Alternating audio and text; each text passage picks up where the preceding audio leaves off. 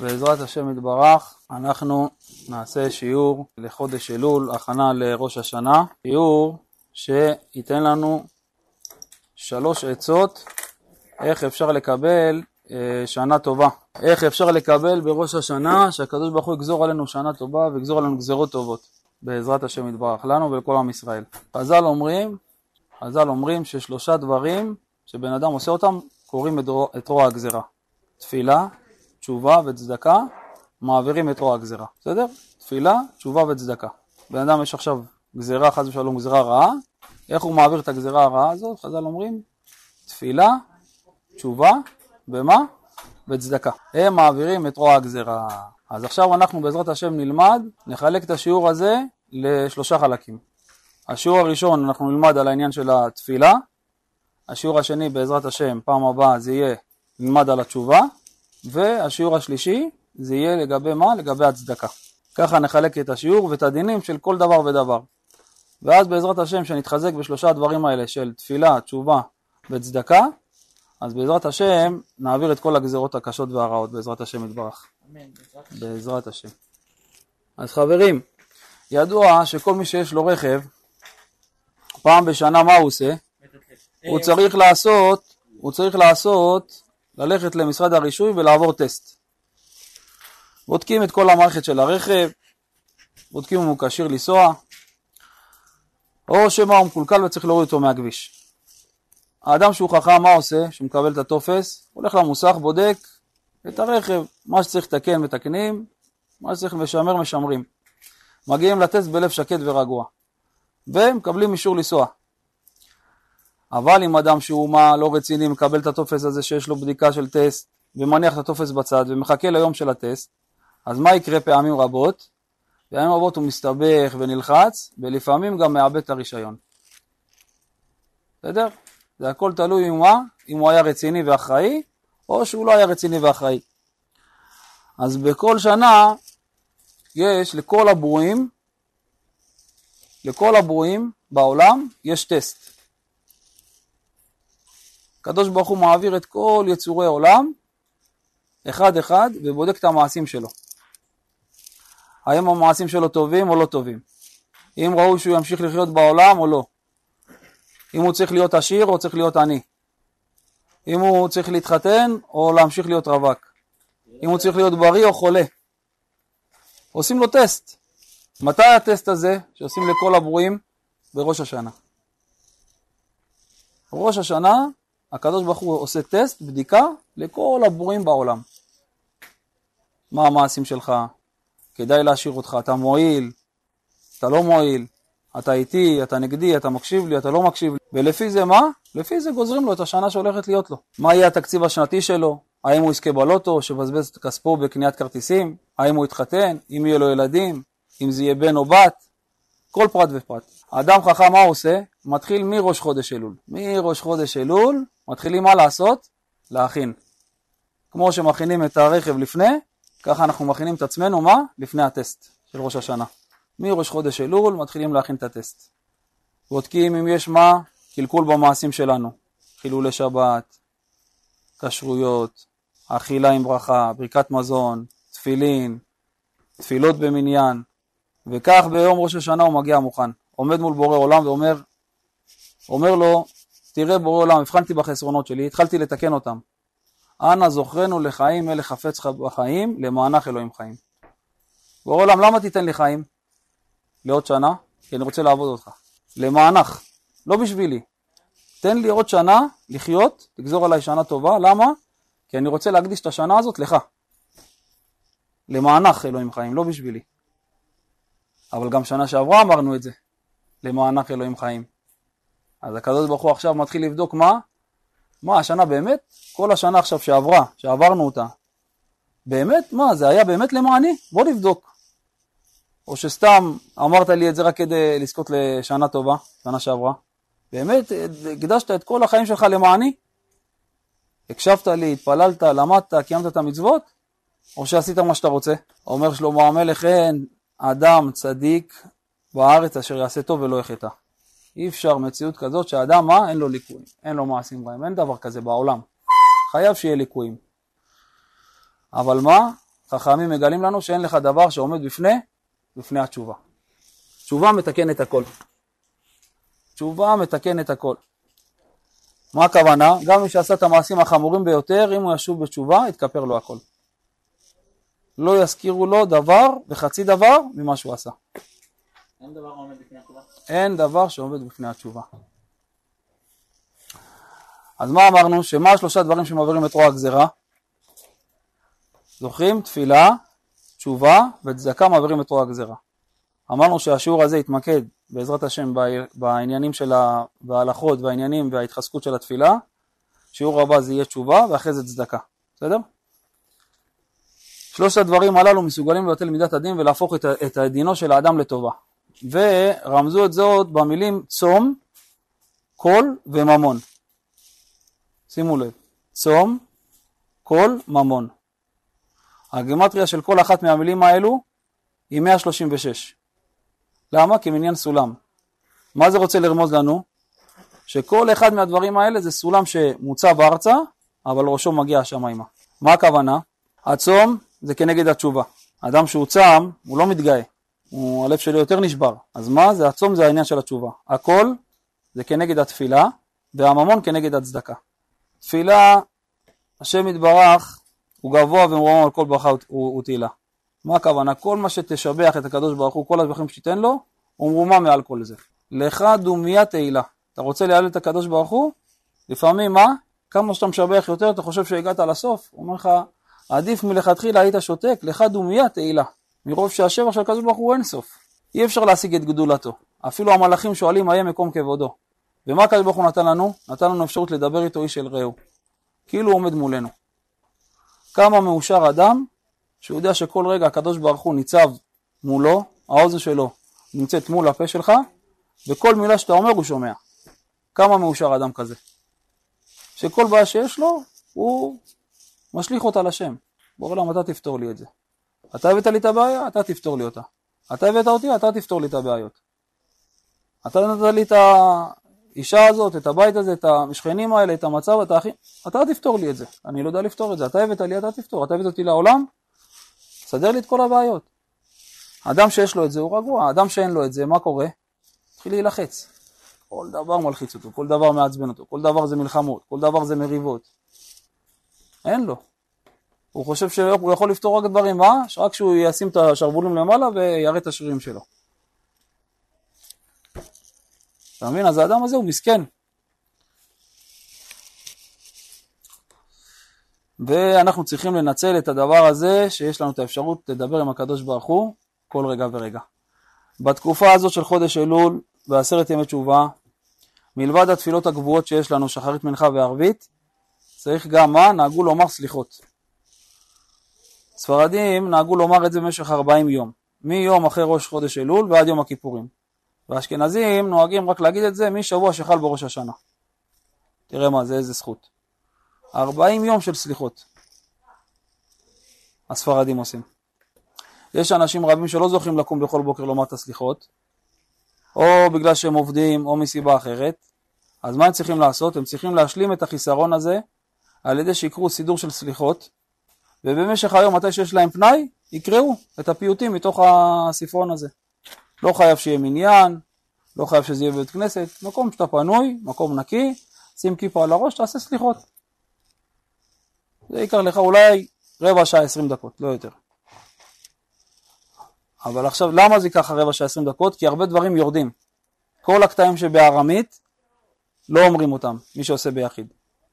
השלוש עשרה מידות של רחמים, אומרים אותם רק במניין, אז גם זה יורד לך. אז מה אתה אומר? אתה אומר בן אדם, עליך נרדם, אדון הסליחות, עננו, כל מה שבעברית. וגם אומר נפילת אפיים, ויעבור. ויעבור לו, זה השלוש עשרה מידות, לא עושים אותם. וצריך להגיד את זה מתוך רגש והתעוררות הלב לקדוש ברוך הוא. אבל צריך לדלג את הקטעים שבארמית ו-13 אה, מידות של רחמים. מה הזמן המשובח ביותר להמרת הסליחות? הכי טוב להגיד אמירת סליחות באיזה שעה אתם יודעים? בחצות לילה. בחצות לילה עד עמוד השחר זה הזמן הכי משובח. למה? כי זה עת רצון בשמיים, שבו הקדוש ברוך הוא מה עושה? הקדוש ברוך הוא מקשיב לתפילות של עם ישראל. עם כל הנשמות של הצדיקים.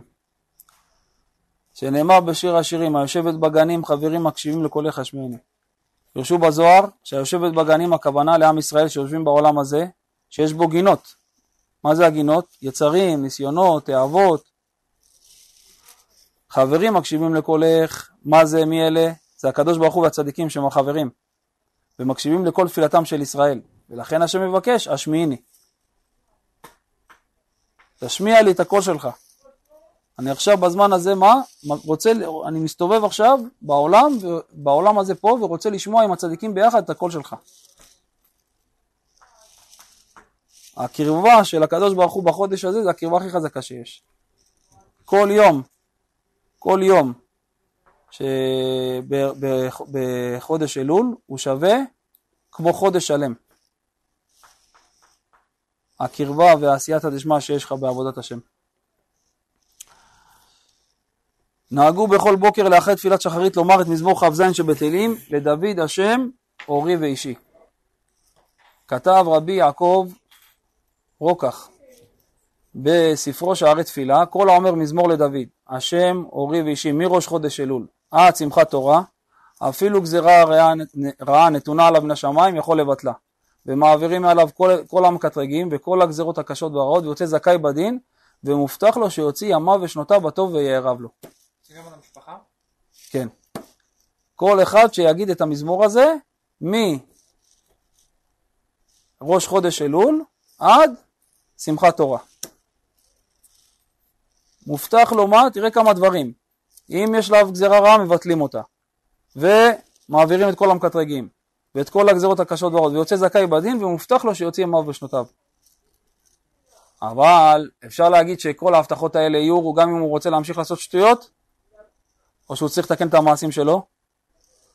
אומר הרב מי שלא מתקן את המעשים הרעים שלו ויגיד את המזמור הזה ומצפה שיתקיימו בו הדברים האלה אז איפה הוא חי? באלעל אלנד. הוא דומה לאדם שיש לו דלקת שמקורה בחיידקים ובמקום אנטיביוטיקה הוא לוקח ויטמינים לחיזוק. הבנתם? כל מה שאנחנו אומרים זה דווקא שזה בא עם שינוי של מעשים. שבן אדם קצת משתנה.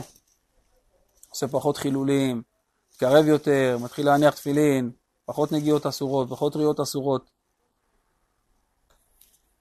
פעמים רבות בסליחות ובתפילת הימים הנוראים אנחנו אומרים את הפסוקים ויעבור השם על פניו ויקרא השם השם מלאכום וחנון זה נקרא י"ג מידות של רחמים. מה העניינים של הי"ג מידות רחמים האלה? כתוב במדרש כאשר ביקש משה רבנו רחמים על ישראל אחרי חטא העגל גילה לו הקדוש ברוך הוא את הסוד של י"ג מידות של רחמים. כתוב במדרש ככה אמר רב פנחס הכהן מה עשה הקדוש ברוך הוא? התעטף בטליתו כשליח ציבור העובר לפני התיבה ואמר לו למשה כך תהיה מתפלל לפניי, אמור השם השם אל רחום וחנון וכו'. פרשו הגאונים שהקדוש ברוך הוא ציווה למלאך להתעטף כדמיון שליח ציבור העובר לפני התיבה כדי ללמד את משה רבנו. מוסיף המדרש, תראה איזה הבטחה. ראה איך צדיקים מבקשים על העולם זכות ולומדים סנגוריה על ישראל. ולא על ישראל לבד, אלא אפילו על הרשעים, שנאמר חי אני נאום השם ממחפוץ במות הרשע. למה? שמא יעשו תשובה. מכאן אנחנו לומדים שיש לקדוש ברוך הוא רחמים גדולים ואהבה אין סופית לעם ישראל. שאפילו אם חטאו ופשעו הרבה, באותו רגע שמתחרטים ושבים תשובה, השם מרחם עליהם וסולח להם. תראה מה זה. ידו של הקדוש ברוך הוא פשוטה לקבל שווים. כל רגע נתון שאתה בא ורוצה לעשות תשובה, הוא מקבל אותך. אפילו בשנייה האחרונה של ה... שאתה נמצא פה בעולם, בנשימה האחרונה שלך, תעשה תשובה, הוא יקבל אותך. איזה רחמים, איזה סבלנות, איזה אהבה יש לקדוש ברוך הוא אלינו. י"ג מידות של רחמים צריך להגיד אותם רק במניין. דהיינו שיש שלוש, אה, עשרה גברים מעל גיל 13 וצריך לומר אותם מילה במילה. איך זה הולך? השם, השם, נכון? אז צריך לדעת שיש לעשות הפסקה מועטת בין השם הראשון, י"ק ו"ק השם, לשם השני. ויש להקפיד מאוד על כך, ולא כמו אנשים שאומרים ברצף, השם, השם. אסור לעשות ככה. תראו בסידורים יש פסק בין השם הראשון לשני, צריך לעשות השם, השם. יש בזה עניין מאוד גדול לעשות את ההפסקה הזאת. כתוב במדרש, אמר הקדוש ברוך הוא למשה, כל זמן שישראל חוטאים, יעשו לפניי את הסדר הזה של 13 מידות של רחמים, ואני מוחה להם. אתה בא לסליחות, אתה אומר את ה-13 מידות של רחמים, מה הקדוש ברוך הוא עושה? אוכל. מבטיח, הקדוש ברוך הוא הבטיח למשה רבנו. ודקדקו חכמים מזה שכתוב יעשו לפניי. מה כתוב? יעשו לפניי. איך היה צריך להיות כתוב? יאמרו. מה זה יעשו? משמע שכדברי הסגולה של הי"ג מידות של החיים תפעל, צריכים להתנהג בעצמנו באותה מידות. מהו רחום? אף אתה רחום. מהו חנון? אף אתה חנון. מהו גומל חסדים? אף אתה גומל חסדים. שדווקא מה? דווקא אם אתה, אנחנו מתנהגים בשלוש מידות של החמים שאנחנו יודעים לקדוש ברוך הוא, אז מה הקדוש ברוך הוא יעשה? אז פועל העניין של הישועה שהקדוש ברוך הוא אומר שהוא מוחל. לא רק להגיד את זה. תגיד את זה ואתה תהיה אכזרי. ולא תהיה רחום וחנון. ערך אפיים. יש לך סבלנות. אתה לא תוקף ישר. יש לך סובלנות. בימי אלול נהגו להרבות באמירת תהילים, שכן מזמורי תהילים מסוגלים לפתוח את הלבבות. ולפתוח את השערי שמיים ולבדל גזרות קשות ורעות. כן, אחד האדמו"רים אמר, יש לנו יהלום. איזה יהלום? היהלום הזה נקרא תהילים. תהילים, זה, זה רב, רבנו כותב שזה אה, מסוגל לתשובה.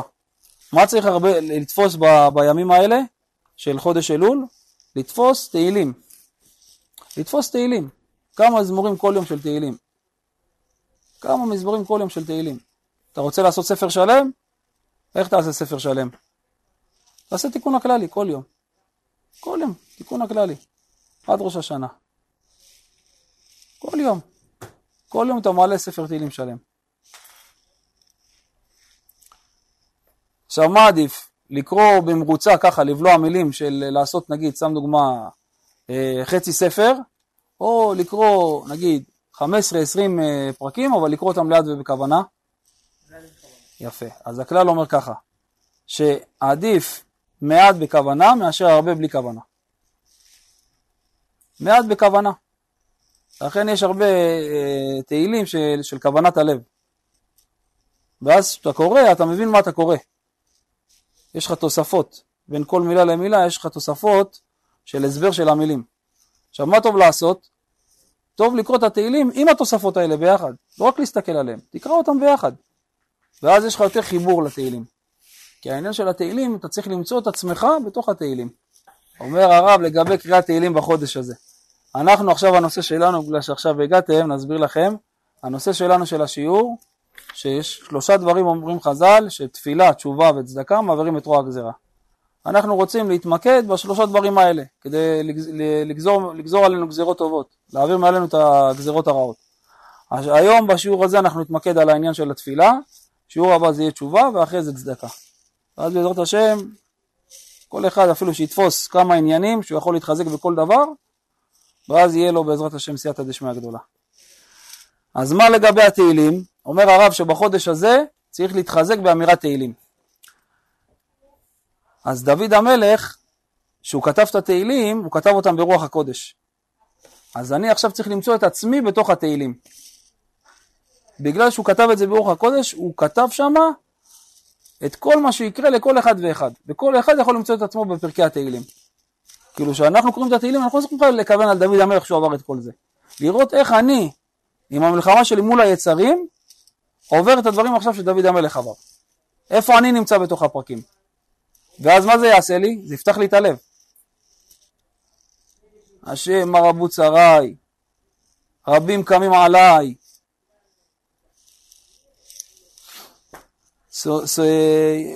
שונאי חינם, אז אשר לא גזלתי אז אשיב. דוד המלך היו מעלים עליו שהוא גזל, גנב. הוא לא עשה את זה. מה היה אומר? נכון, אני גזלתי. כמה זה היה? הנה, קחו. אשר לא גזלתי, אז אשיב. העיקר מה? לא להיות במחלוקות. תמיד היה מתכופף, לכולם. אבל אם זה היה כלפי כבוד שמיים, ברגע שהיו פוגעים בתורה והיו פוגעים בקדוש ברוך הוא ומלכלכים עליו, כמו גוליית, שהיה מחרף מערכות ישראל, היה מחרף כלפי מעלה, דוד המלך אין דבר כזה, לא מתכופף ולא נכנע. עד שהוא לא יחסל את אותו בן אדם הוא לא יירגע. על כבוד עצמו לא אכפת לו, אבל בכבוד שמיים נלחם. עד הסוף. הבן איש חי מביא מעשה על אדם אחד שרגיל להפסיק בקריאת תהילים באמצע. באמצע פסוק, כדי לדבר דברים בטלים. פעם אחת, אה, בי"ג, היום אנחנו בי', בי"ג זה ההילולה של הבן איש חי, י"ג אלול. פעם אחת, לאחר קריאת תהילים, הלך לישון, ובחלומו ראה שתי מלאכים מחזיקים ספר תהילים, ובתוכו כתובים מזמורים, אשר בתוכם מופיעים גם דברי החולין, שדיבר באמצע הקריאה. ככה אמרים לו בחלום. שתי מלאכים מחזיקים ספר תהילים, ובתוך הפסוקים, כל הדברים בתהילים שהוא דיבר, נכנס, כתובים בתוך הספר. ומיד שהתעורר עשה תשובה על כך, ולמחרת חלם שהתכפר לו עוונו. אולם כתבו הפוסקים, שזה דווקא כשעוצר באמצע הפסוק לדבר דברים בטלים. אבל בין פסוק לפסוק מותר להפסיק. בין פסוק לפסוק. לא בין פרק לפרק, אפילו בין פסוק לפסוק. כל שכן בין מזמור למזמור מותר להפסיק, בפרט אם מישהו שואל אותך דבר שהוא זקוק לתשובה שלך. מה לגבי אדם שעכשיו רוצה לקרוא תהילים והוא נמצא במקום שיש בו ריח רע? עדיף שלא. מה זה עדיף שלא? אסור. ומי שרוצה כן? לא, עדיף, עדיף ש, שלא, כי אדם אה, צריך, אה, שהוא לומד תורה או קורא או משהו, יפה. וריח לא טוב, זה חייב להפסיק. חייב להפסיק, לא מכבד את התורה. חייב להפסיק. אז מי שהולך בדרך או נוסע ברכב ואומר תהילים, אם הוא מריח ריח רע של השפעה או ריח אחר, נגיד זיבול של כל מיני שדות שיש בדרכים או דברים כאלה, חייב להפסיק מיד את קריאתו ולהמתין עד שיחלוף הריח ואז ימשיך. כי מי שימשיך לקרוא אפילו שיש ריח רע עונשו גדול, ומי שמפסיק שכרו שמאריך ימים. כתבו המקובלים שאסור לקרוא מקרא בלילה. מה זה מקרא? תנ"ך, תורה נביאים כתובים. התהילים באיזה חלק הם בתנ"ך? בכתובים, נכון? אז מה לגבי עכשיו קריאת תהילים בלילה? המקובלים כותבים שאסור לקרוא את זה. למה? מה הטעם? ב- כתוב בשער המצוות לרבנו ארי, שכיוון שהתנ"ך עניינו מידת הרחמים, ובלילה יש שליטה של מידת הדין, אז כדי לא להתגרות במידת הדין, אסור לקרוא מקרא בלילה. ומסופר במדרש, שכאשר משה רבנו היה בשמיים, כיצד הוא ידע מתי יום ומתי לילה? כשהקדוש ברוך הוא מלמד אותו מקרא, הוא ידע שזה יום. כשהיה לו את התורה שבעל פה, הוא ידע שזה, ידע שזה לילה. אז עכשיו מה נגיד? התהילים זה חלק מהתנ"ך, איך נקרא? אז צריך לדעת שכתבו הפוסקים שאין לקרוא תהילים בלילה. אולם, כיוון שהדין הזה, היסוד שלו זה רק בדברי הקבלה, רק לפי הסוד, אז זה לא בגדר, של איסור, אלא מה? בגדר חומרה בעלמא. ובמקרים מסוימים יהיה אפשר לקרוא. איזה מקרים? אתם זוכרים? נכון, אם יש מישהו חולה, או מישהו שצריכה ללדת. של הדור הזה, נכון, שעושים לרפואת כל חולי עמו ישראל, נכון, יהיה מותר, אתה מכוון על הצלחת עם ישראל, לרפואת עם ישראל, חזרה בתשובה של עם ישראל. או אדם שהוא יושב בתל, והוא לא ילמד שום דבר חוץ מתהילים, מה נגיד לו? עדיף שיהיה בתל ויעשה, וידבר שטויות, או יראה כל מיני שטויות, או שיקרא תהילים בכל זאת? עדיף שיתעסק עם תהילים. אז הוא אומר ככה, שבתקופה שלנו שהצרות מרובות וכל יום שומעים על אנשים שהם חולים ועל איומי האויבים ועם ישראל זקוק לישועות גדולות, אם קורא תהילים להצלת עם ישראל ולרפואת עם ישראל, מותר. ואם קורא תהילים להצלת חולה או אישה שקורעת ללדת וכדומה, גם יהיה מותר. ככה יהיה לידה קלה, כתרנגולת לכל החולים. בתוכם לספיר בת יהודי. למה? ללידה? לידה קלה בעזרת השם כתרנגולת. אמן. מה עכשיו לגבי לשמוע דיסקים של תהילים? קריאה של אה, ניגונים של תהילים מדיסק, משמע, גם לילה או שבלי שום קשר ללילה. בלילה. אפשר. אז כל שכן שמותר, כי אתה לא מוציא את זה בפה. אז זה יהיה גם מותר לשמוע את זה. עכשיו אנחנו רוצים לד...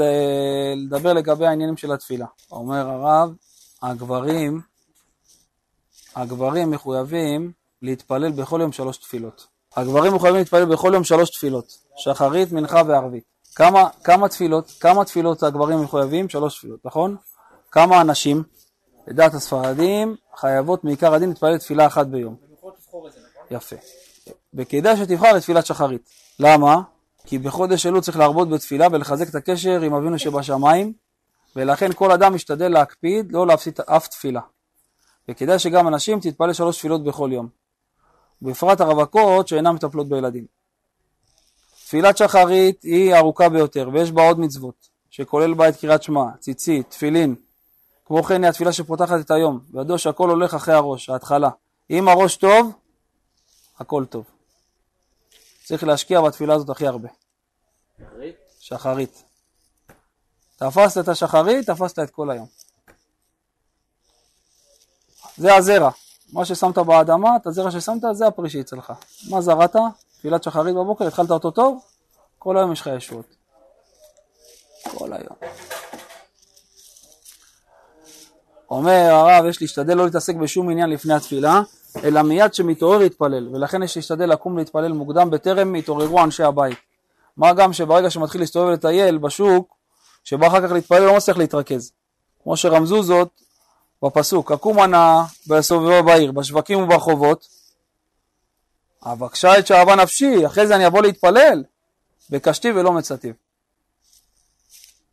אם אתה עושה קודם כל את הסידורים שלך, מסתובב, הולך, זה, זה, זה, זה, אחרי זה אתה בא להתפלל, ביקשתיו, תרצה עכשיו להרגיש את הקרבה של הקדוש ברוך הוא ולא מצאתיו.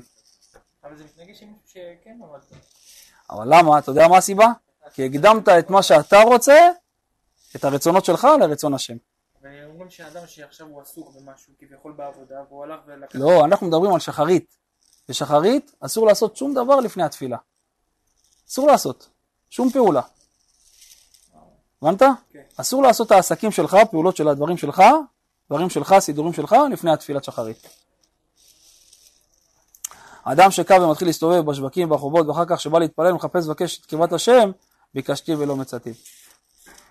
הדין הזה שייך יותר לגברים, אולם אישה שמטפלת, מטופלת בילדים, יכולה לטפל בהם ולשלוח אותם לבית הספר בנחת לפני שתתפלל, אולי אם יכולה טוב גם שתקדים לקום ולהתפלל השם לפני שבני הבית יתעוררו. זה קדוש יאמר לה.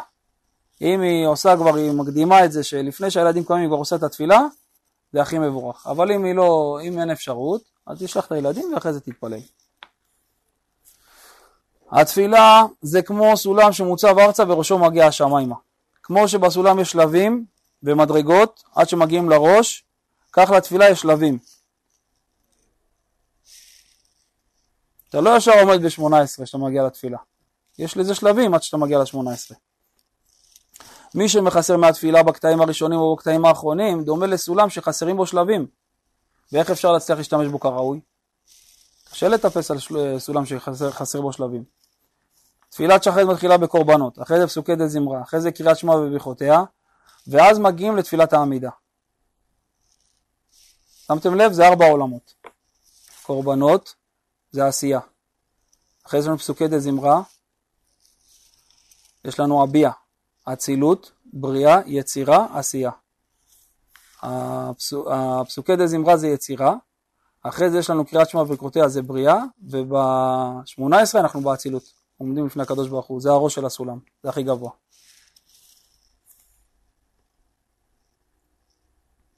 במשך ימות השנה אנשים רבים מגיעים לבית הכנסת באיחור, ולכן מפסידים את אמירת הקורבנות, ומתחילים פסוקי דה זמרה, או ברכות קריאת שמע, בחודש אלול ראוי להקפיד מאוד ולומר את כל הסדר של הקורבנות מילה במילה, על מנת שהתפילה תהיה שלמה.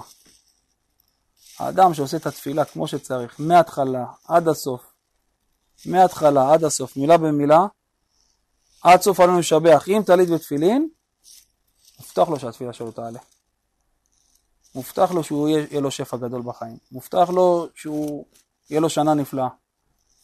אז לפחות כל השנה אנחנו לא כאלה חזקים בדבר הזה. אז עכשיו יש לנו הבטחה מחז"ל, תפילה ותשובה וצדקה מעבירים את רוע הגזרה. ועוד מעט נראה שהתשובה והצדקה מתחברים ביחד עם התפילה. למשל, האדם שלפני שתפילה, מה שאמרנו, ואני בצדק יחזה פניך, ייקח שלוש מטבעות, ישים לפני שהוא מתפלל, עם שתי ידיים, ואז מה, ואני בצדק יחזה פניך, ואז הוא נכנס להתפלל, הוא, הוא זוכה לקבל הארת פנים מהקדוש ברוך הוא, שהתפילה שלו תתקבל. כל שכן שהוא שם את זה בשתי ידיים, כמו שרבנו אומר, שככה התפילה מתקבלת. ותשובה, אתה גם עושה. אתה עושה תוך כדי התפילה, שאתה עושה סלח לנו אבינו, השיבנו אבינו, או שאתה עושה וידוי, כל זה זה תשובה. אז לפחות בימים האלה שנשאר לנו עד ראש השנה, שמחה, זה הרי ירין, תעדכן אותו רק שזה עם אה, החלטה שזה... בסדר? הכל בסדר, כן. גם אנחנו.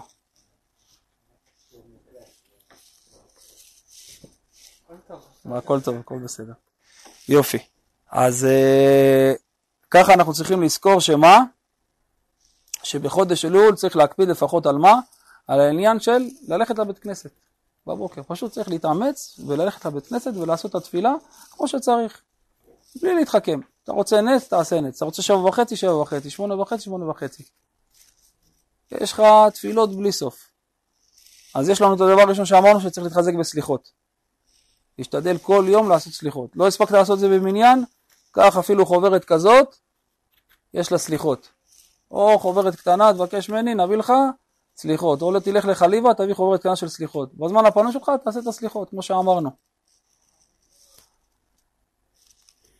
ומה זה, מה מובטח לנו? תפילה, תשובה וצדקה מעבירים את רוע הגזרה. יש עכשיו, בן אדם עכשיו יש עליו תיק של איזה גזרה רעה שצריך להיגזר עליו, לפי המעשים שהוא עשה כל השנה. וככה צריך להיגזר עליו בראש השנה. עכשיו תיקח את הדברים האלה של התפילה, תשובה וצדקה רוע, אתה מסלק את זה. אתה מעביר את זה. ועוזרים עליך גזירות טובות. אז לפחות כמה נשאר לנו? 20 ומשהו, 23, 22 יום עד יום הדין. מה זה בשביל לקחת את זה עכשיו, את המאה מטר האחרונים של השנה, ולתת את הפוש הזה לפחות של שחרית? שחרית במניין, איזה עולם אחר זה. תעשה יום אחד של שחרית, תפילה, מההתחלה עד הסוף, תראה איך היום שלך ייראה. זה משהו אחר לגמרי. אתה יוצא עם צי, צי שלם של מלאכים, מלווים אותך כל היום. אתה יכול להיכנס ככה לעזה. אם היה אמונה במאה אחוז שיש לך עכשיו צי של מלאכים והשכינה עליך, אתה יכול להיכנס לעזה ככה, איך שאתה. עם זקן בפאות, בלי להסתיר אותם. בלי לדבר ערבית. עם תיקון הכללי ביד. אנשים עם אמונה חזקה נכנסו לשכם. שכם ככה הולכים, בלי אוטובוס ממוגן או כלום, ככה ברגל בשכם עם תיקון הכללי רוצים להתפלל אצל יוסף הצדיק. וכדורים עוברים להם ככה, והם ממשיכים ללכת. היה אחד כזה שהלך להתפלל, וכשהוא הגיע ל... לרב הוא אמר לו, תשמע, אתה לא שמת לב, אבל יוסף הצדיק אה, העיף מעליך את כל הכדורים. אתה לא ראית אותו. יוסף הצדיק, הלכת להתפלל אצל יוסף הצדיק בשכם, העיף את הכדורים שלא יפגעו בך.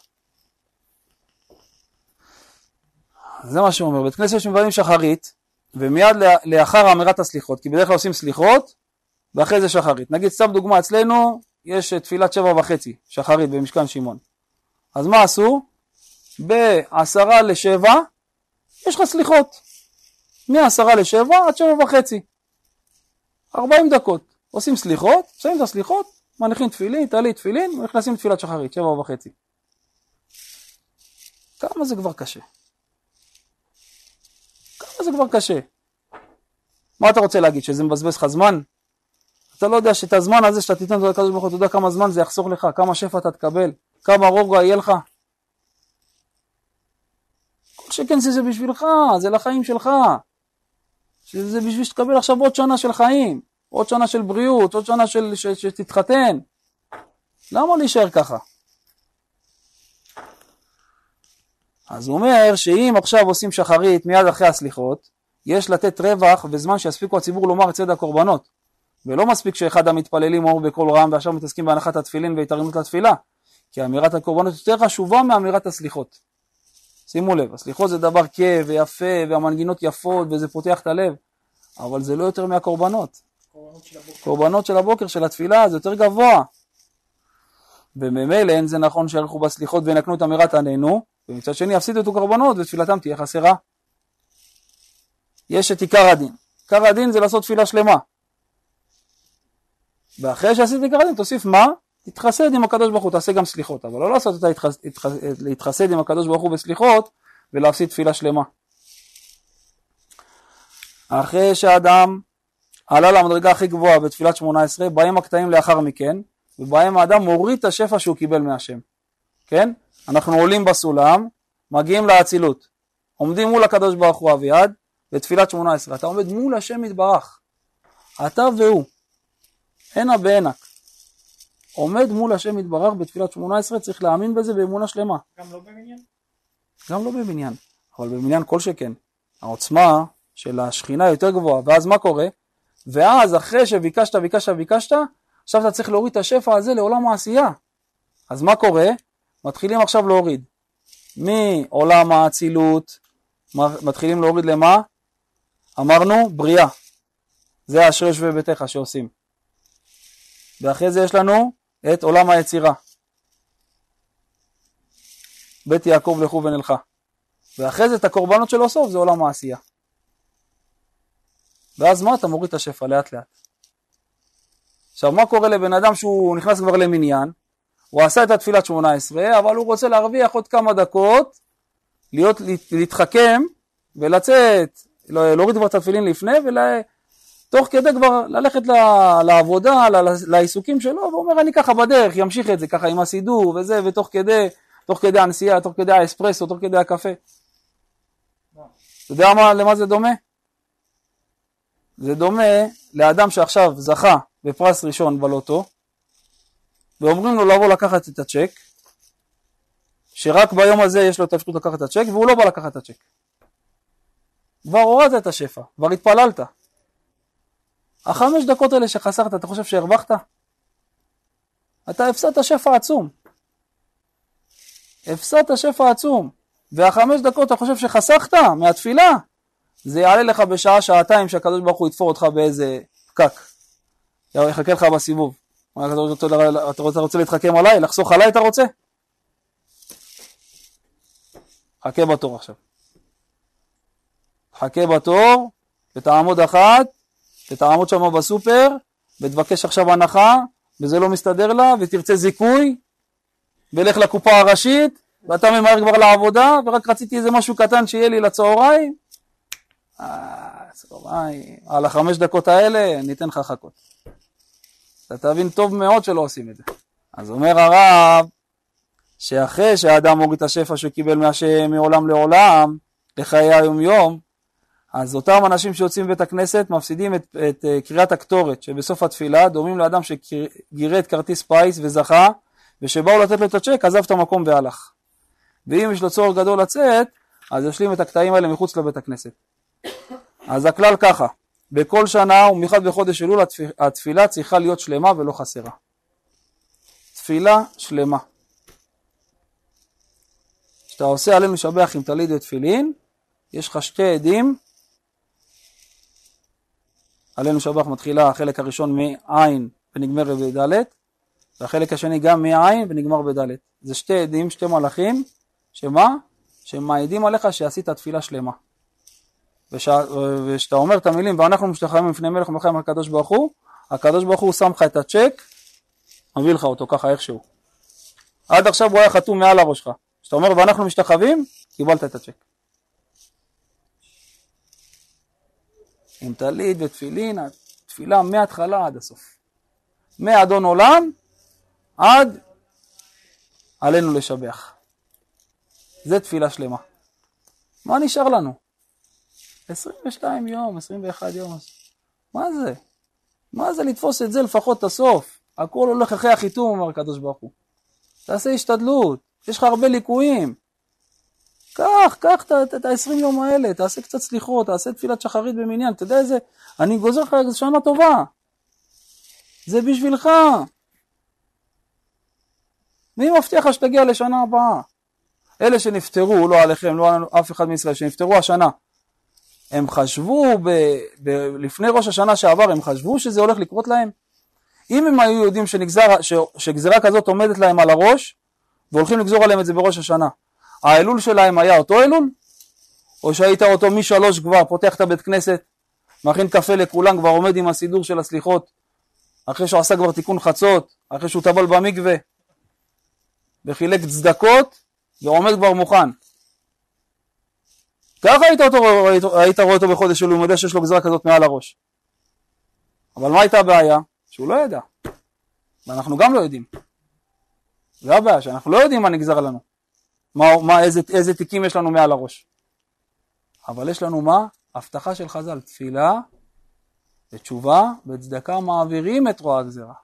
תפילה. איזה תפילה? מעיקר הדין. מה שכל יהודי מחויב. איזה הכי חשובה? שחרית. היא קשה לי. גם בלחם יש את הקשה ואותו אוכלים גם. הוא הכי בריא. הכי בריא הקשה.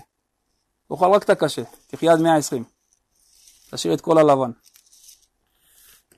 אין כמו הספרדים, בגלל זה הם שחורים. למה? זה היה קשה, זה הכי טוב. טוב, החלק המרכזי בתפילה זה 18. מבחינת הלכה תפילת 18 זה עיקר מצוות התפילה, וכל הקטעים של התפילה שלפני הם קטעים של הכנה. התפילה זה כמו סולם, תפילת 18 זה בראש הסולם. ברגעים אלו נמצאים בעולם האצילות ועומדים מול השם ממש ומדברים אליו לפני המלך. השם שפתי תפתח ופי יגיד תהילתך. אלו המילים הראשונות שפותחים את התפילה, כדי שתדע לפני מי אתה עומד. בעולם הזה, כמה צריך אדם להתאמץ ולהשתדל כדי לפגוש אפילו שר זוטר בממשלה. בוא תנסה עכשיו לפגוש שר, חבר כנסת, שר. עוד יותר קשה, עוד יותר קשה. או נשיא, או מלך, איזה קשה לפגוש נשיא או מלך? שספק אם ישמעו אותו, וגם אם ישמעו אותו אולי יוכלו לעזור לו. כאן זוכה כל יהודי לעמוד שלוש פעמים ביום ולהתפלל ולבקש ממלך מלכי המלכים שבידו להמית ולהחיות, להעשיר או לעני, לתת לך כבוד או ביזיונות, ושומע כל מילה ומילה שיוצאת לך מהפה. במה זה תלוי? כמה אתה מאמין בזה. כמה אתה מאמין בזה שעכשיו אתה יכול לעמוד מול השם שהוא כל יכול, השם טוב לכל. מה זה טוב לכל? הן לזיווגים, הן לשלום בית, הן לפרנסה, הן לרפואת הנפש, הן... מה שאתה רוצה. הן ללימודים, להכל הוא טוב. בכל מש... כל נושא שתבחר הוא הכי טוב בו. ויש לך הזדמנות לעמוד שלוש פעמים ביום ולבקש מ... מ... מ... מהקדוש ברוך הוא שהוא טוב בהכל. והוא רוצה לתת לך את הכל. אומר, עלינו להבין את מעלת התפילה ועל ידי כך נתפלל ביראה ובכבוד. אומר מה העניין אבל? אומר דוד המלך כגמול עלי אמו כגמול עלי נפשי. איך דוד המלך התפילות שלו היו מתקבלות? למה? אומר עכשיו אם יש ילד בן שנתיים, נכון? אם עכשיו הוא בוכה באמצע הלילה, ההורים רצים ועושים את זה בשמחה ובקלות או שמתעצלים ו... לא, קמים, מה זה, ילד בשנתיים, שיהיה לך ילד בשנתיים בעזרת השם, אתה תראה, הוא בוכה, משהו זה, אתה ישר קם, אולי נחנק, אולי זה, אולי גזים, לא, רצים. אם הילד בגיל שבע, והוא מתחיל לבכות באמצע הלילה, רצים באותו אטרף או ש... יש פה קצת פינוק גם. הוא גם יכול להסתדר לבד, זה לא אותו, לא אותו בכי, לא אותו, לא אותו סגנון. מה ההבדל בין הצליל של בין שנתיים לבין שבע? ההורים ששומעים בגיל שנתיים את הצליל של הבכי, מה הם שומעים בצליל? מה מסתתר מאחורי הצליל הזה? רק אתם יכולים לעזור לי. אני חסר אונים. זה שבגיל שבע הם שומעים צליל שאני גם יכול להסתדר לבד. אומר דוד המלך, אתה יודע איך התפללתי לקדוש ברוך הוא? כגמול עליי אמו, כגמול עליי נפשי. אני התפללתי לקדוש ברוך הוא כמו ילד בן שנתיים, שאני לא יכול לעשות כלום. ובגלל שאני חש... הרגשתי שאני לא יכול לעשות כלום לקדוש ברוך הוא, כלום, כלום, כלום, כלום, כלום. לא להתפלל, לא ללמוד, לא לאכול, לא למצמץ, לא לנשום. בגלל שהתפללתי ככה, הוא ענה לי לכל התפילות שלי. הוא ענה לכל התפילות שלי. אני הרגשתי שאני מעצמי, אין לי כלום. וכל מה שיש לי זה מתנת חינם, וזה לא מגיע לי. אם אנחנו מתפללים ככה, הקדוש ברוך הוא עונה לתפילה. אבל אם בן אדם מה עושה חשבונות, שיש לי קומבינה כזאת, ויש לי, אני יכול לערבב אנשים, ואני קומבינטור, ויש לי קשרים, ויש לי חברים, ויש לי אנשים שבפנים, ויש, ויש, ויש, ויש, ויש, אז מה קורה? אומר כזה הוא, אה, יש לך, יש לך הרבה דברים, יש לך הרבה עניינים שאתה יכול להסתדר, אז תסתדר לבד, מה אתה רוצה ממני? אז איזה צליל הקדוש ברוך הוא שומע בתפילה? שלי ילד בגיל שבע שבוכה. אני, לא, אני אעזור לך, אבל אני לא כזה שש עכשיו, אני לא, לא נלחץ לעזור. אני רואה שאתה אתה כבר, אתה כבר מאן דאמר, יש לך כבר אפשרות בעצמך לעזור לעצמך, אז תעזור לעצמך כפרה, עזוב אותי, מה אתה רוצה ממני? תסתדר. אומר, עד מתי תסתיר פניך ממני, עד מתי אה, תשית עצות בנפשי, אומר דוד המלך. מה הכוונה? אומר דוד המלך לקדוש ברוך הוא, עד מתי תסתיר פניך ממני? אומר הקדוש ברוך הוא, הקדוש ברוך הוא עונה לו, הפסוק הבא זה הקדוש ברוך הוא עונה לו, מה הכוונה? עד מתי תסתיר פניך ממני? שואל, זה אומר את זה, הפירוש הזה אבן עזרא, תראה איזה פירוש מדהים, זה על אותו משקל שאמרנו. עד מתי תסתיר פניך ממני? הקדוש ברוך הוא עונה לו, עד מתי תשית עצות בנפשי? אתה יודע למה אני מסתיר פנים פנים ממך? אומר הקדוש ברוך הוא, כי אתה יש לך עצות, אתה נותן, אתה נותן לי, לקדוש ברוך הוא, עצות איך לעזור לך. אתה, אתה נותן לי עצות איך לעזור, אני לא, אני לא, כאילו, אני לא יודע איך לעזור לך, ואתה נותן לי עצות איך לעזור לך. אתה קובע לי שדווקא בדרך הזאת אתה רוצה את הישועה. בגלל זה אני מסתיר פניך ממני. זה מה שהוא אומר, דוד המלך, עד מתי תסתיר פניך ממני? עונה לו הקדוש ברוך הוא, עד מתי ת, אה, ת, ת, תשית עצות בנפשי? בגלל שאתה יש לך עצות איך לעזור לי, מאיפה הישועה תגיע, אני לא רוצה להסתכל עליך. אתה קובע לי איך להביא לך את הישועה. מי אמר שזה נכון מה שאתה, מה שאתה חושב? מי אמר שזה טוב בשבילך הדרך הזאת? אולי זה יפיל אותך עוד יותר? אתה תקבע את הדרך, אתה יודע מה טוב. אני לא יודע כלום. ככה אתה מקבל הארת פנים. ככה אתה כתוב הוא לא מסתיר פניך, פניו, פניו ממך.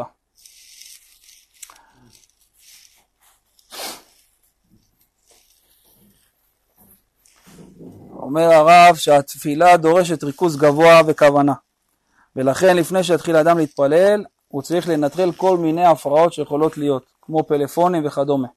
וגם לא יחזיק בידו שום חפץ בשעת התפילה מלבד סידור. כי אם מוחו יהיה עסוק בשמירה על החפץ שלא ייפול הוא לא יצליח לכוון בתפילה. אדם שכל רגע עם הטלפון חצי בטלפון וחצי בהודעות וחצי בתפילה הריכוז שלו לא יהיה. יום אחד בא איזה מישהו, הוא מלמד פה ברבי עקיבא נותן לו סידור למי שיש טלפון, הוא מכיר, זה לא הטלפון, זה הסידור אתה צריך להתפלל, תנתק את הטלפון. יש בית כנסת, אמרו לי, ברמות, בית כנסת שלא נכנסים אליו עד שלא מפקידים את הטלפון. יש תאים. עד שאתה לא מפקיד את הטלפון, אתה לא נכנס להתפלל. יש עוד מלא בתי כנסת, הוא אומר לך, תפלל איפה שאתה רוצה. אצלנו פה, מפקידים את הטלפון. ואין חצי מילה שם. את המנחה והערבית הם מחברים, כדי שלא יהיו דיבורים באמצע, ואין שם חצי ציוץ. אומר הקדוש ברוך הוא, מכבדיי אכבד. אם כל בית כנסת יעשה, אתה יודע מה זה בית כנסת כזה, איך התפילות שם עולות? אתה יודע איך הקדוש ברוך הוא מכבד את האנשים האלה שם? לכבד את הקדוש ברוך הוא ככה, ביתי בית תפילה, ככה מכבדים אותי. שמים הכל בצד, באים רק אליי. התפילות שם, עבר על הזמן.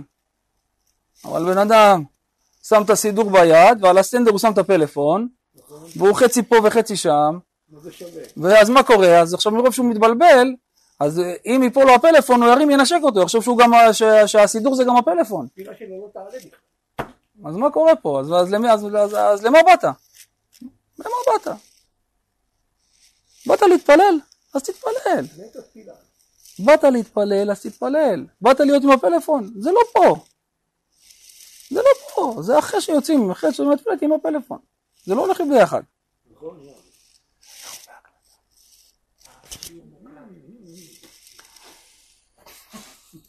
אומר הרב, אסור להתפלל מול מראה, וגם לא מול תמונה של בעלי חיים, או של בני אדם ואפילו צדיקים.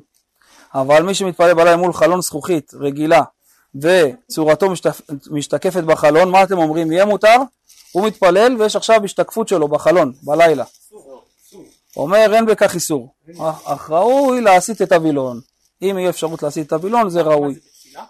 כן, אתה עכשיו עושה תפילה נגיד, בבית. כאילו אם עכשיו אנחנו משתחווים. יפה, אז אם זה, אם זה, זה, זה, זה, זה, זה לא אסור מעיקר הדין, אבל אם יש לך אפשרות להסיט את הווילון או לפתוח את החלון לגמרי, ואז לא תראה את ההשתקפות, אז מותר.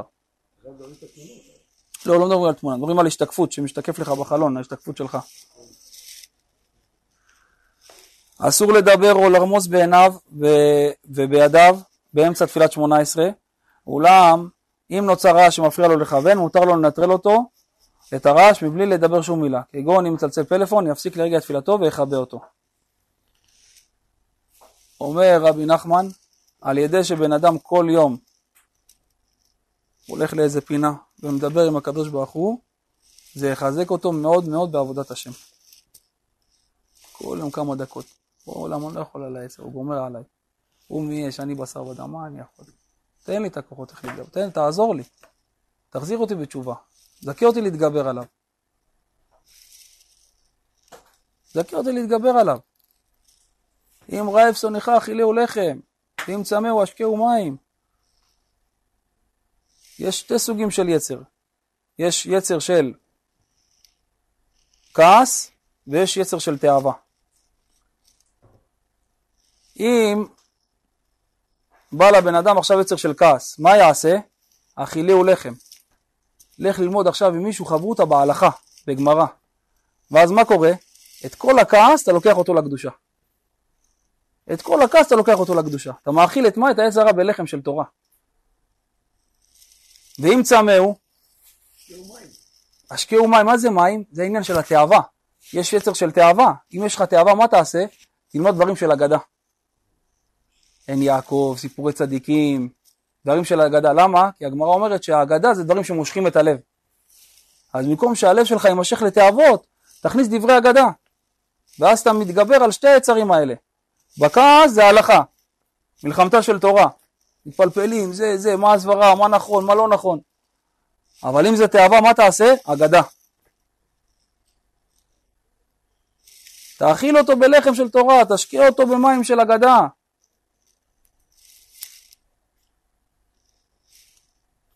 תבלין.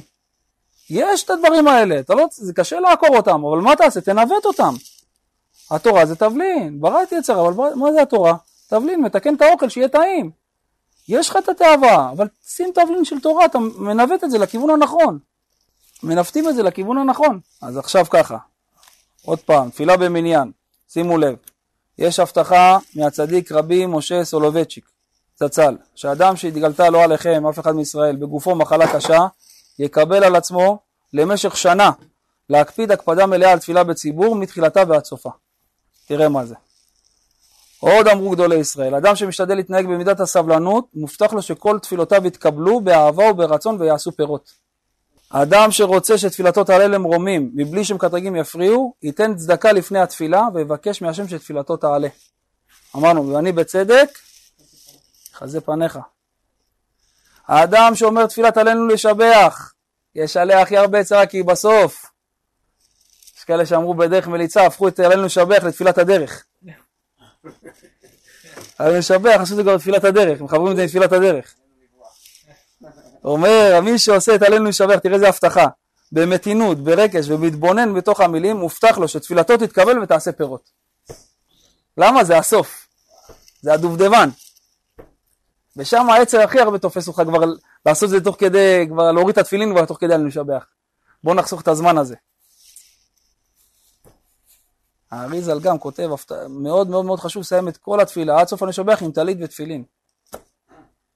טלית ותפילין. זה עושה תיקון מאוד מאוד מאוד גדול.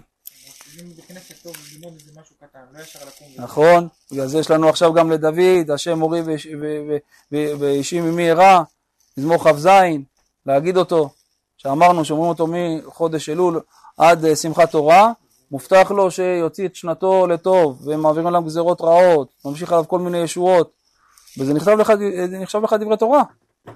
או להגיד איגרת הרמב"ן קבוע, או 13 גם תיקוני הזוהר, גם כתוב שצדיקים קדמונים כתוב שתיקוני הזוהר טוב להגיד אותם גם עד ראש השנה.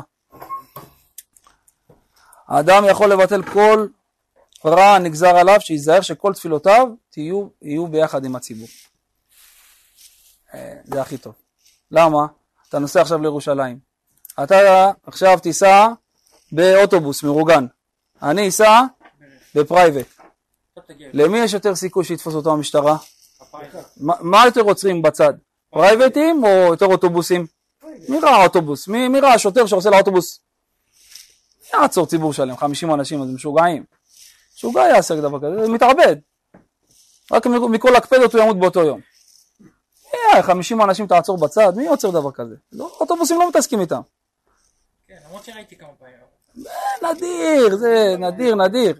אבל מה קורה עכשיו? שאתה עכשיו בציבור, שאתה ביחד עם כולם, אז אפילו שיש אנשים בעייתיים בתוך האוטובוס, הם נוסעים עם כולם ביחד, מגיעים בסוף.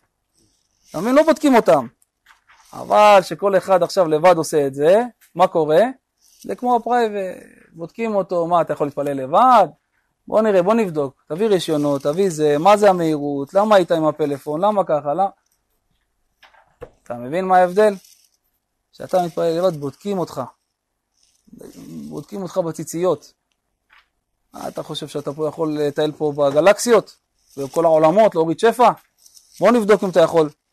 אבל שאתה עם הציבור, ביחד עם כולם. ברמב"ם רשום אבל ש- שהוא שהוא היה כאילו אומר להתפלל לבד, נכון? אין אל כביר לא ימאס תפילת רבים. מה פתאום? כל התפילות שלו היו במניין, מה זה תפלל לבד?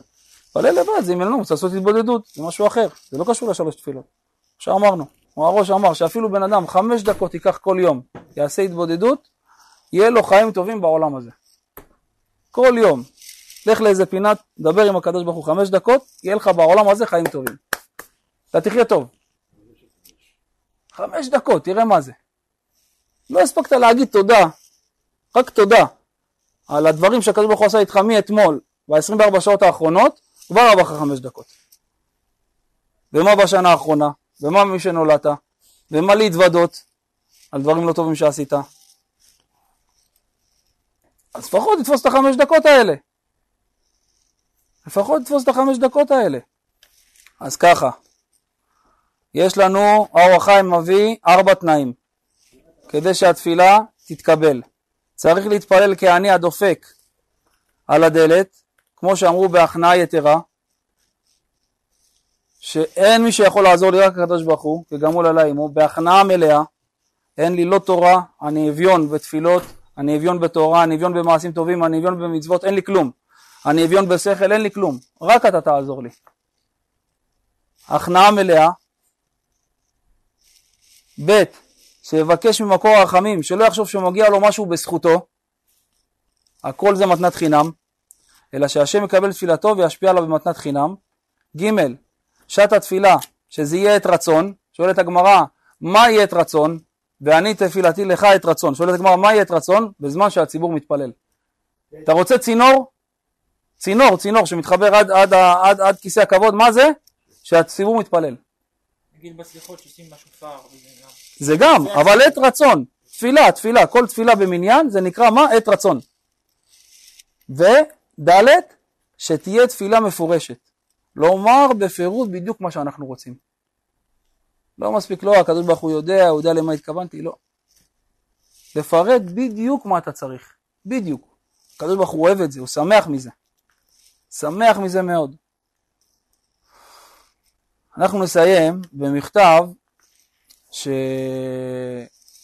שרבנו כותב לכל אחד ואחד מכתב, מה זה ההתעוררות להתבודדות. עד עכשיו דיברנו, כמה תפילות יש לנו קודם כל, צריך לדעת, יש לנו, כמה תפילות יש לנו ביום?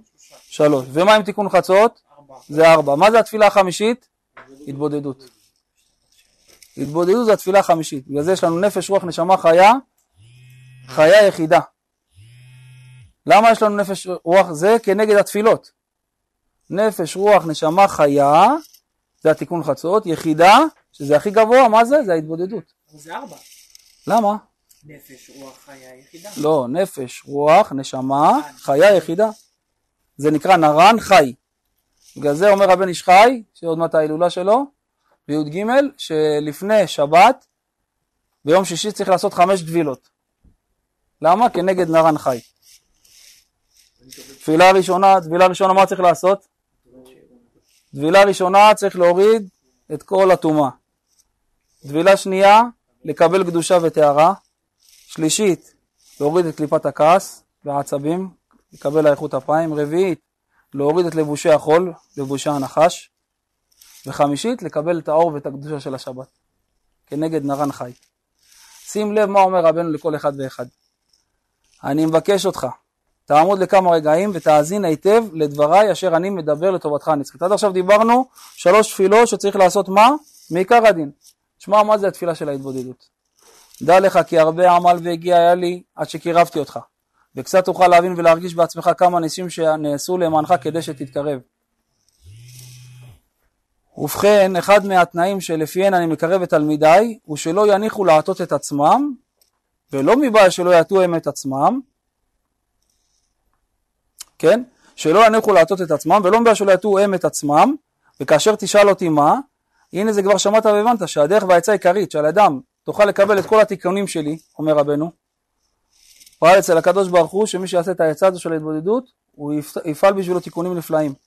ושיוכל אדם לתקן את כל מה שהוא צריך לתקן בזה העולם. ולהגיע לכל מה שהוא צריך להגיע, הוא רק על ידי התבודדות. כלומר שיכין לו מקום מיוחד, אשר שם יסיח את לבבו לפני השם יתברך, יבקש לפניו כל מה שהוא צריך, ברוחניות, בגשמיות, להתוודות לפניו. את כל אשר חטא, בשוגג, במזיד, באונס, ברצון, להודות לו על כל הטובות אשר היטיב עמו ברוחניות בגשמיות. אומר רבנו, זאת פעלתי אצל השם יתברך, כי האדם אשר יקיים זאת בפשיטות גמור, בכל יום, לעמוד שעה אחת לפני השם יתברך, אף גם אם לא יהיה לו התעוררות הלב. הכל יבש, הכל בלי, כמו תקליט, שרוט, חוזר על המילים, אין התעוררות. ואפילו, ואפילו, אם לא יוכל לפתוח פיו שום דיבור לפני השם יתברך, הגיע שעה שלמה שתק, אבל הלך להתבודד, אבל שעה שלמה לא יצא לו אפילו דיבור אחד. אולם על כל פנים, יתת את עצמו להשתוקק לדבר, יזכה על ידי זה בעצמו לכל טוב, ולא היה עליו שום דין למעלה, שום דין למעלה לא יהיה עליו, נקי. כי על ידי העבודה הזאת יתוקן הכל, נפשו, רוחו ונשמתו. וכל העולמות, וכל הדורות התלויים בו, תראה איזה הבטחות, מהאדם הראשון עד משיח צדקנו. הבטחה של רבנו. כל יום שעה, תראה מה הוא מבטיח לך.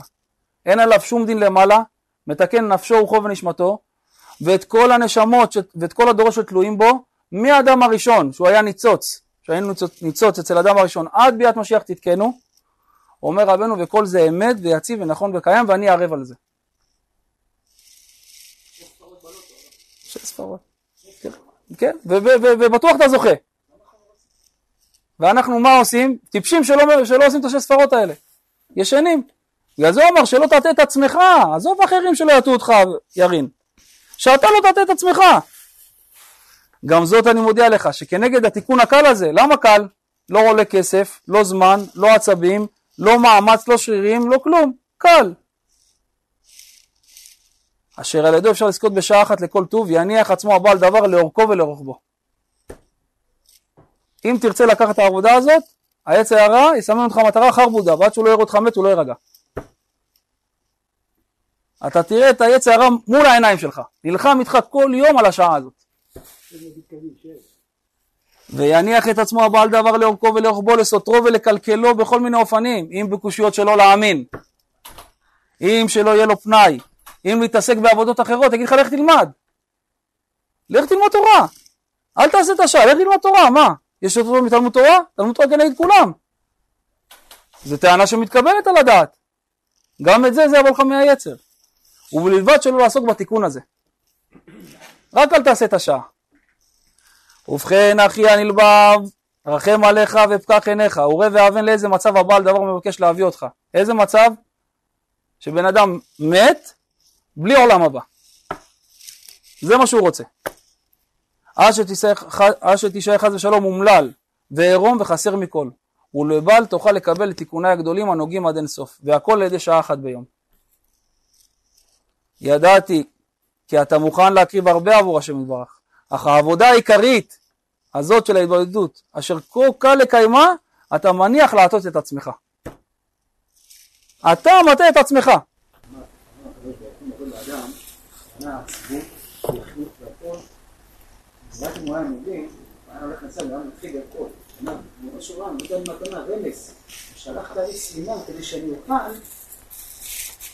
משמח אותך. כי אדם כשהוא מגיע לעצמות, הוא מגיע למצב של מחשבות, ואז הוא מגיע שדרך כלל בורא העולם. למה תגיע? למה אני צריך לשלוח לך רמז בשביל שתהיה עצוב ותהיה מדוקדק ויהיה לך קושי בחיים? לך, אתה רוצה. לא, הבאת את עצמך. עכשיו הוא אומר שאם אתה ניקח לעצמי את השעה הזאת של ההתבודדות, הוא כמה שזה. בשבילנו, בשבילנו. אומר, ובכן אחי, אשליך הלאה את כל ההבלים וכל העסקים וכל המחשבות, ורוץ תכף מיד להציל את עצמך. ואז תודה לשם יתברך, אשר יעצך לטובה, אמן. יהי רצון שנזכה בעזרת השם, שקודם כל אני אזכה לקיים את כל מה שאמרנו, נזכה בעזרת השם לעשות, להתפלל לקדוש ברוך הוא, ולקיים את העצה של הצדיקים שאמרו לנו, שתפילה ותשובה וצדקה מעבירים את רוע הגזירה. להתחזק בתפילת שחרית במניין, מההתחלה ועד הסוף. תפילה זה היה החלק של היום. בעזרת השם יש לנו עוד שתי חלקים שאנחנו צריכים ללמוד. את העניינים של התשובה נלמד שיעור הבא ונקדיש עוד שיעור לגבי הצדקה. שהקדוש ברוך הוא יזכה אותנו לשנה טובה ומוצלחת ונתברך בכל הברכות שכתובות בתורה אנחנו וכל עם ישראל אמן כן יהי רצון. רבי חנניה